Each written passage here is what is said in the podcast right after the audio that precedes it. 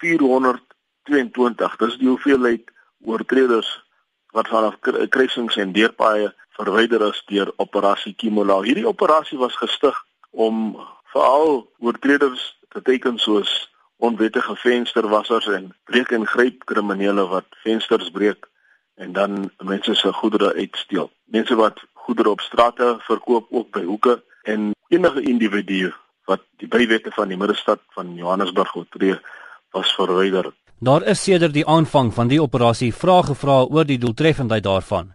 Gaan die mense wat van die strate verwyder word, nie net terug na die straathoeke sodra hulle vrygelaat word nie?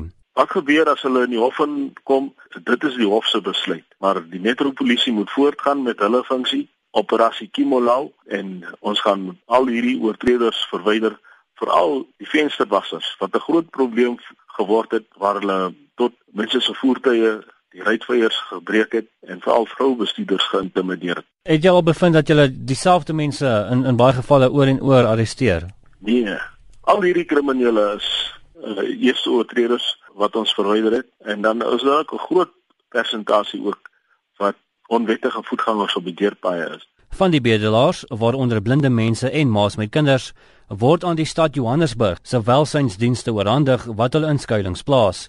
'n Maatskaplike werker van Johannesburg, Emmanuel Machinini, sê die stad werk saam met nie-regeringsorganisasies om die mense te help. We are interested to help the babies and mamas living on the streets. But our challenge is that some of the people they are not documented. So what we are doing so far, we link them with organizations that deal with refugees.